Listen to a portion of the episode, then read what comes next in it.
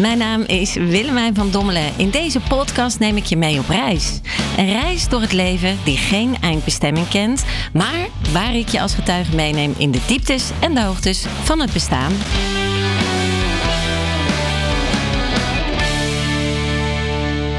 Daar zijn we weer. Iedereen is heel benieuwd dit keer.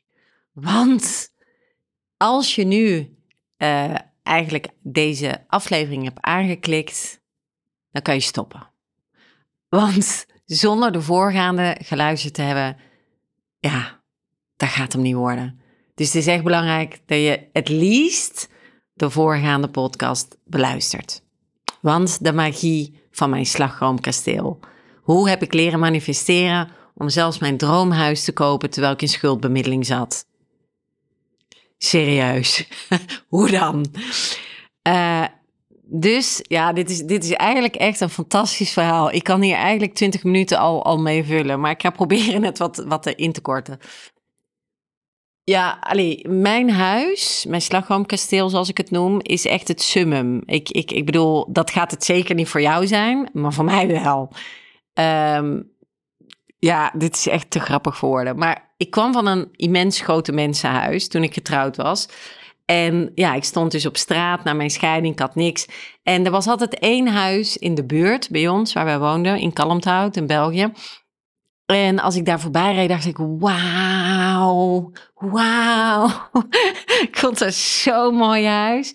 En ik dacht, wie zou daar nou wonen? En oh, die mensen moeten toch gelukkig zijn, hè? En um, nou ja, uiteindelijk zag ik tijdens dus dat ik aan het scheiden was, zag ik een bord staan te huur. Nou, lang verhaal kort. Dankzij de advocaat is het gelukt. Mijn man moest de huur betalen van dat huis voor mij om te wonen. En, uh, maar dat maar een paar jaar. En ik wist natuurlijk, dat kwam steeds dichterbij, dat op een gegeven moment was het afgelopen, hoefde die uh, uh, niet meer voor mij te betalen in de alimentatierechten. En, en zou ik dat zelf moeten betalen. Maar ik kon dat natuurlijk helemaal niet betalen, want ik zat in schuldbemiddeling. Ik had geen job, ik, had, allez, ik, was nog, ik zat in een zware depressie, dus ik, ik was helemaal de weg kwijt. En dat huis was het enige wat mij, um, wat licht, letterlijk wat letterlijk mijn licht was in mijn donkere dagen. Het is ook een wit huis. Dus bij deze, het zal niet voor niks geweest zijn. Uh, nou ja, goed. Dus uiteindelijk ja, uh, kwam dat dichterbij dat, was, dat mijn man, sorry, ik mag zijn naam misschien niet zeggen, of wel. Ja, anyway, als je me googelt, ga je sowieso wel vinden. En uh, dat hij ging stoppen met betalen. Dus, um, en ik was net aan het leren te mediteren. Nog niet aan het manifesteren, maar ik was aan het leren mediteren. Dus ik vroeg, voordat ik in mijn meditatie ging, uh, aan whatever, het universum of hoe je het ook wil noemen. Hoe dan? Hoe moet ik dit gaan doen? Hoe moet ik deze huur gaan betalen vanaf uh, volgende maand, zeg maar?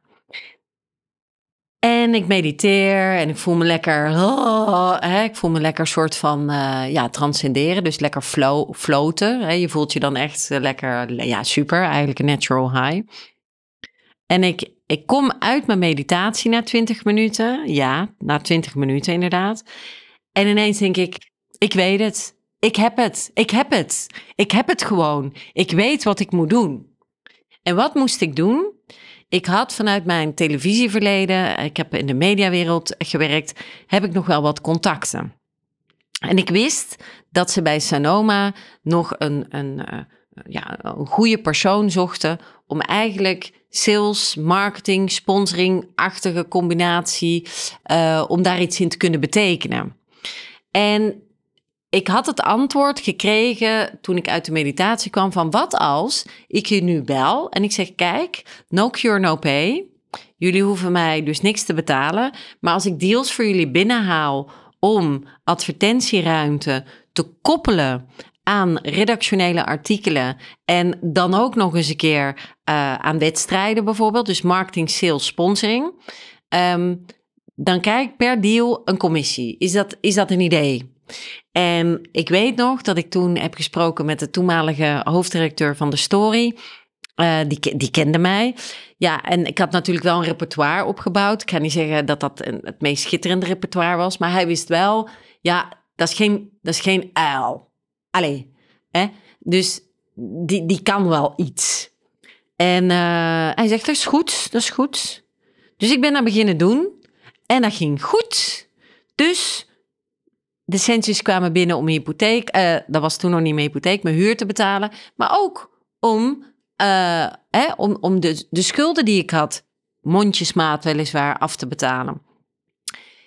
En ik ging verder met mediteren, transcendente meditatie, lalala. En toen bleek het steeds meer zo te gaan. kwam ik eruit, pakte ik weer een pen en papier. En had ik een hele workshop, een, een soort lezing uitgeschreven. Burn, baby, burn. Over burn-out, zal je niet verbazen. En mijn favoriete klootzak die jullie kennen, Giel, die had al tegen mij gezegd... moet jij niet eens een keer iets gaan doen voor publiek? Want, want hoe onzeker je ook bent over je uiterlijk, en dat is echt zo, want je kan denken van ja, dag, maar dat is echt zo. Hoe, hoe, hoe graag ik in de tegenstelling op het podium sta. Dus ik vind op het podium staan heerlijk, entertainen, I love it. Ik heb ook altijd actrice willen worden, alleen ik kan geen teksten onthouden, dus dan wordt het lastig. Ik moet alles gewoon alleen provies doen, zoals dit. Dus uh, dat is hem ook niet geworden, actrice. Ik heb het even, alleen nee, ik heb het niet serieus geprobeerd, maar het is wel eens op mijn pad gekomen, maar het was niet mijn ding. Afijn, terug naar de essentie. Dus uh, nou ja, goed, het, het, het gebeurde dat, uh, dat ik dus mondjesmaat om kon terugbetalen. En ik zeg burn baby burn. Ik ga dat ook doen, een lezing. Maar ja, gaan mensen dan een ticket bestellen om naar mijn verhaal te komen luisteren? Dat vond ik ook weer een raar idee. En wat moet daar dan voor vragen? Dus um, ik uh, een beetje rondvragen aan mensen, dit en dit dat, een beetje kijken, een beetje researchen. Ja, ik wist het dan niet. Maar de inhoudelijkheid van Burn Baby Burn, die had ik al. Um, dus ik dacht, oké, weer gaan mediteren. Hoe ga ik dat doen? Hoe ga ik mensen aantrekken om naar die lezing te komen? Van Burn Baby Burn. En voilà, hoppakee, weer het antwoord. En wat was het antwoord? Bel Ilse Beijers, eh, ex-hoofdredactrice van Dag Allemaal in België, een boekje à la wat is het? Jullie hebben de story in Nederland, geloof ik ook. En allemaal van die roddelboekjes. En zij was een hele bekende dame in België. Is ze nog steeds, maar in de mediawereld. Bel Ilse Beijers. Vraag aan Ilse of ze een interview met jou willen doen over in de media, bla bla bla bla bla. Over een ex-relatie die ik had met iemand die bekend is. En, um, en dan kan je misschien vragen of, of ze daar een linkje in willen maken naar dat event. Dus zo gezegd, zo gedaan. Ja hoor. En Ilse was bereid dat te doen. Maar ik had helemaal, ik had geen site. Ik van Burn Baby Burn, ik had helemaal niks. Dus heel snel een Facebook-event aangemaakt. Een website, nee, geen website, maar een Facebook uh, Versla Burnout of zoiets op Facebook. En uh, dat evenement aangemaakt. En toen dacht ik, ja, en nu, nu ga ik dan maar uh, tickets. Ja, en wat ga ik dan vragen? en ik weer mediteren. Hoeveel moet ik vragen? 55 euro. Dat kwam eruit dacht, oké dan. En nu denk je echt, koekoek, koekoek. Maar ja, zo deed ik het. Dus ik heb dat gedaan. En wat wil, je, en wat, wat wil je weten? Wil je wat weten? Het zat vol. 28 mei, ik denk 2016. Uh, Kasteel den Brand in Wilrijk, vergeet het nooit meer. Het zat gewoon vol. En die mensen betaalden allemaal 55 euro om naar mij te komen luisteren. Twee uur aan een stuk, zonder pauze. Nou, ongelooflijk toch? En ik vond het leuk om te doen. Och, ik vond het heerlijk. En voilà, Burn, Baby Burn was geboren. Dus ik gaf die lezingen om de zoveel tijd. Nou, en daar verdiende ik best wel aardig een boterham mee. Ik werkte nog bij Sonoma, daar verdiende ik ook een boterham mee. En ik zeg uh, tegen het universum, althans, ik weet niet tegen wie ik het zei. Is dat Boeddha? Is dat God? Is dat wat het ook is? Maar weer voordat ik ging manifesteren. Uh, ja, eigenlijk ja, voordat ik ging manifesteren. Ik bedoelde dus te zeggen, toen ik ging mediteren en dan mijn wens uiten, dan leerde ik zo te manifesteren. Dan zei ik weer: Oké, deze overvloed die ik nu voel, het gaat steeds sneller om mijn schulden af te betalen, voelt wel lekker. Dus ik wil al meer hiervan. Hoe kan ik nog meer overvloed vergaren? Hop, en dan ging ik weer 20 minuten mediteren met TM. En dan kwam ik er weer uit. En wat was het volgende idee dat ik had? Dat was eigenlijk dat ik eigenlijk dit voor bedrijven wilde doen. Ik wilde voor bedrijven Burn Baby Burn gaan doen. Maar ja, hoe dan? Uh, hoe trek ik die bedrijven aan? Hup, en weer mediteren. En weer manifesteren. En daar kwam uit dat ik een shortlist moest maken, mocht maken van eh, een twintigtal bedrijven of mensen die ik kende, die ik leuk vond, die ik mooi vond, die ik lekker vond, weet je wel. Dus een bedrijf bijvoorbeeld, ik zeg maar wat, van chocola. Uh, ik hou van chocola, zoals elke vrouw, denk ik. Dus zet die op de lijst. Maar eh, wat had ik nog op de lijst staan? Ja, ik was bijvoorbeeld dol op, als liefdesjunk op het merk Pabo. Dus die had ik ook op de lijst gezet. En zo een aantal bedrijven. En die had ik dus aangeschreven, gemaild, cold calling gedaan. Um, en ik gaf die gratis een lezing over Burn Baby Burn. Hoe kunnen ze burn-out herkennen op de werkvloer? Wat kunnen ze eraan doen? Uh, la, la, la, la. Dus even weg van tekstboek. Eh, want oké, uh, als bachelor, uh, mind you, in de psychologie... Um, ja, was het niet zozeer... Ik wilde geen tekstboekmaterie uit. Ik wilde vooral vanuit ervaring praten en die bedrijven sensibiliseren. Et puis voilà, wat gebeurt er weer? Ze waren er niet alle 25, maar ik denk een stuk of 12 waren er. En uh, er zit iemand in de zaal en na de lezing komt die dame naar mij toe en zegt: Amai, ik vond dat echt een, uh, ja, dat was echt super interessant. Ik ga jou introduceren aan onze HR. Oké dan. En uh, die introduceert mij aan die HR en ik mag vol lof en vol wetenschap haar naam zeggen. Ik zal niet haar achternaam zeggen, maar uh, Marijke.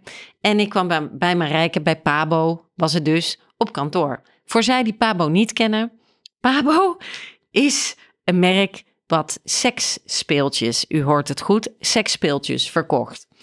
En uh, ik kom daar aan bij uh, Marijke. Toen kwam ik altijd te laat, structureel. Dat, dat had met heel veel dingen te maken. Marijke weet intussen dat ik vrij vaak bijna altijd op tijd ben. Anyway. En, uh, en dat klikte zo goed. Ik vond ook Marijke, die had een bepaalde, ik weet niet, bepaalde mojo. En ik, ik vond haar echt super leuk. En zij had klaarblijkelijk energetisch, en daar gaan we, energie, you mind, energie. Ja, er was een uitwisseling van energie. Wij zaten letterlijk en figuurlijk op dezelfde golflengte. Weet je nog? Natuurwetten, zwaartekracht, magnetisch veld. Oké, als dit je niks zegt, dan moet je echt uh, twee, denk ik, afleveringen terug gaan luisteren. Maar dat is weer het bewijs van die energie. Dat is het bewijs van manifestatie. En er was zo'n klik tussen haar en mij. En bam! Pabo was ineens mijn grootste klant. De een na de andere opdracht kwam van Marijke binnen. Maar intussen was ik nog Burn Baby Burn aan het doen. En toen was er weer een bedrijf wat tegen mij zei... Is goed vrouw, kan jij bij ons eens komen als keynote speaker? En weer een bedrijf en weer een bedrijf. Wow! En mondjesmaat, maar met steeds grotere mondjes, ging dus mijn schuld steeds kleiner worden. Maar toen, want jij denkt, ja, maar hoe zit het nou met dat slagroomkasteel? Maar toen werd ik ineens gebeld door de eigenaar van het huis, althans de makelaar. En die zegt tegen mij, ja, Willemijn, het spijt ons enorm, maar uh, we gaan uh, uh, het huis te koop zetten. Wat? Ja, we gaan het huis koop zetten, want de eigenaar wil dat en zo verder en zo meer.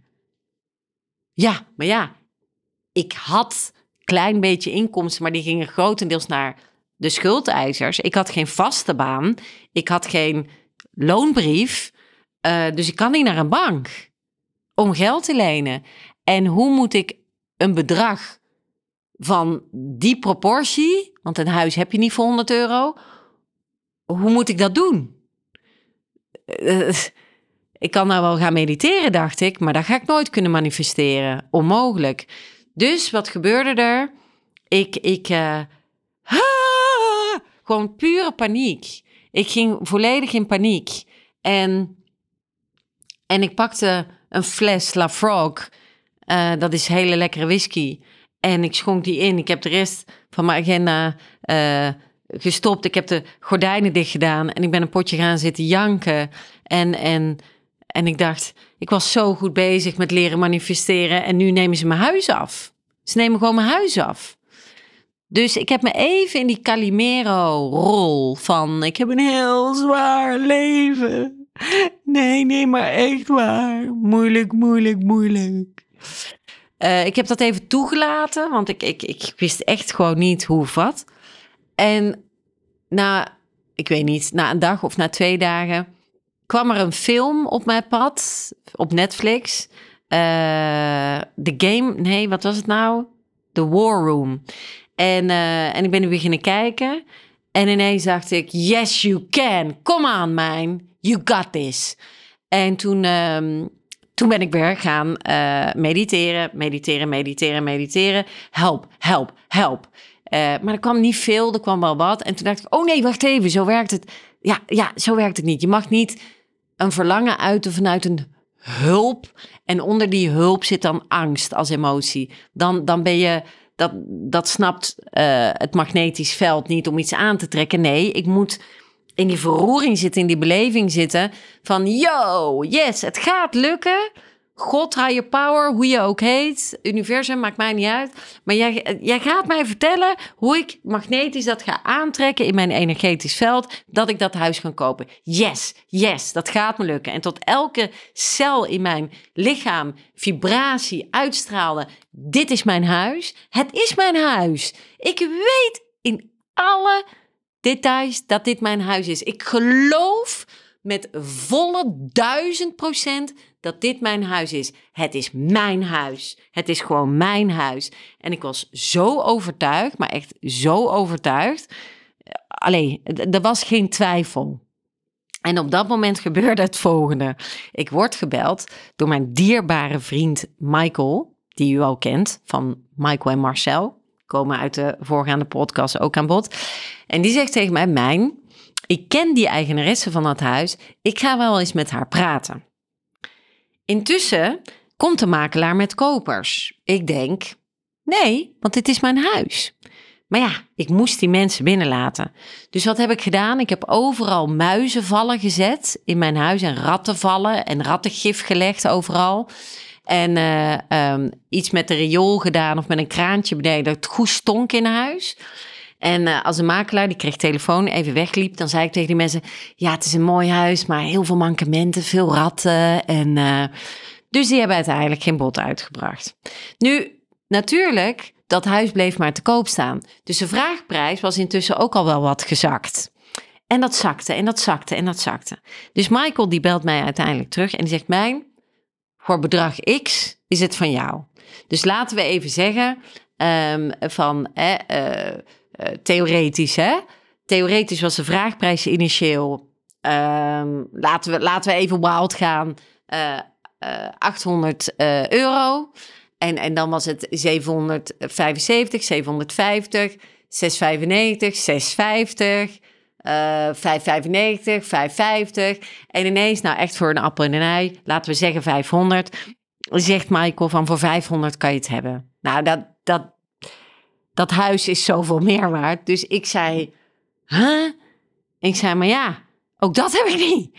Ik ben goed bezig, maar dat, ik ben die schulden aan het aftalen. Ja, dat krijg ik niet voor elkaar bij de bank. Dat is, is not an option. Maar goed, ik ben aan het leren manifesteren en het is wel mijn huis. Dus komt goed. Dus ik zeg tegen hem, dat komt goed. Maar ik wist helemaal niet hoe, hè. Intussen komt er een man op mijn pad, Stijn. Koning Stijn noem ik hem nu. En koning Stijn, die ging mij ineens helpen met het, het financiële plaatje. Ook om naar de bedrijven tarieven te vragen. Um, om, om te, uh, lezingen te geven, om mensen te coachen uiteindelijk daar en dat soort dingen te doen. Dus ik zeg tegen Stijn, Stijn, het is mijn huis, dus hoe gaan we dit doen? En we zijn gaan zitten uh, we zijn berekeningen gaan maken.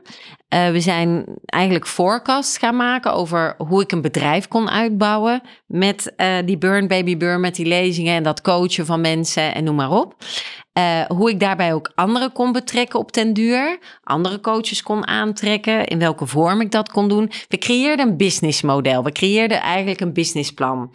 En op het moment dat we dat businessplan hebben gecreëerd, zag die forecast er financieel zo immens goed uit dat hij zei van kijk, uh, koning Stijn zei ik heb wel wat relaties in, uh, in de hypothecaire wereld. Die vertrouwen mij ook, die kennen mij. Dus ik ga hiermee onder de arm en ik ga mijn best doen voor jou.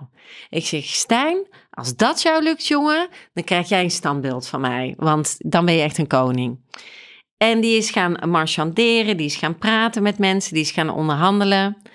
En 24, 23 of 24 december 2021 2018 uit mijn hoofd, kan er een jaartal na, naast zitten, ben ik gaan tekenen bij Elantis voor mijn hypotheek. En heb ik dat gekocht voor een appel en een ei. In een constructie waar menige banken nu van zeggen dat is eigenlijk onmogelijk. Zeker omdat ik nog geen zekerheid had op dat moment. Ik had nog geen vast inkomen, ik had nog geen fundament. Ehm, die, die man die dat destijds heeft goedgekeurd, dus dat zijn dan altijd, uh, hoe noem je dat, van die experts die dat moeten goedkeuren, waar Stijn een goede relatie mee had. Um, die, die, die is ook niet meer actief bij de bank. Dus die man is uh, ergens een fijn leven aan het leiden, ik weet niet waar. Um, maar die was daarna ook, want ik wilde die bedanken en iets sturen. Die heb ik ook nooit meer, nooit meer kunnen bereiken. Die was soort van verdwenen of zoiets. Ik weet het niet. Heel raar verhaal. Maar ja, maakte niet uit, want ik had het huis wel. En ja, en toen wist ik, oké, nu ken ik, nu ken ik de grootste, het grootste ingrediënt van te leren manifesteren. En dat is dus echt in elke cel in je lichaam voelen, weten 500 miljoen procent overtuigd zijn dat het zo zal zijn. En dan komen de componenten, magnetisch zal ik maar zeggen, magisch op je veld, in jouw veld bedoel ik, op jouw pad, om die dingen te realiseren. En na de volgende aflevering neem ik je nog een stukje mee naar nog meer manifestatie van mijn ondernemerschap. Want intussen ben ik succesvol ondernemer met PR consultancy en zoveel meer andere activiteiten. En die wil ik je graag volgende keer even vertellen. En hoe manifesteer ik uh, mijn leven? En mijn leven is gelukzalig. Mijn leven is flow. Mijn leven is een sprookje in mijn slagroomkasteel. Uh, ik wil niet mezelf betitelen als prinses, misschien als een warrior princess. Maar ja, weet je, dit is gewoon de shit. Mijn leven is echt de shit. En knock on wood, ik mag hopen dat ik lang, lang gezond blijf. Um, maar het gelukkig zijn vul ik zelf in. Dat is mijn script, daar ben ik verantwoordelijk voor. Dus ik ga ervan uit dat mijn gezondheid daarin volgt, uh, omdat alles liefde is. En zolang ik vanuit mijn hart leef, uh, hoop ik dat de traumasporen mijn gezondheid niet zullen beïnvloeden. Dat is misschien een klein beetje kwetsbaarheid wat ik nu met je deel. Want dat is toch wel een stukje waar ik nog overtuigd in mag zijn dat mijn gezondheid mij zal uh, blijven verrijken, zal ik maar zeggen. Dus mag ik jou ook dankjewel zeggen voor het luisteren weer. Mag ik jou een goede gezondheid wensen? Mag ik jou vragen om ook stil te staan bij de dankbaarheid dat je leeft, dat je gezond bent, dat je kan zien, dat je kan proeven, dat je kan horen, dat je kan, kan genieten van hoe mooi dit leven is, dat je kleuren kan zien. Want de dag dat ze het afnemen, dan pas weet je wat dankbaarheid is. Denk aan de COVID-periode. Denk aan toen je niet kon proeven of kon ruiken zoals ik. Laten we toch elke dag weer dankbaar zijn dat we er zijn. En dat we al die mooie facetten hebben om het leven mooi in te kleuren. Carpe fucking diem. Stay wicked, wild and sweet. En ik hoop dat je weer een keer terugkomt bij de Pink Rebel Podcast.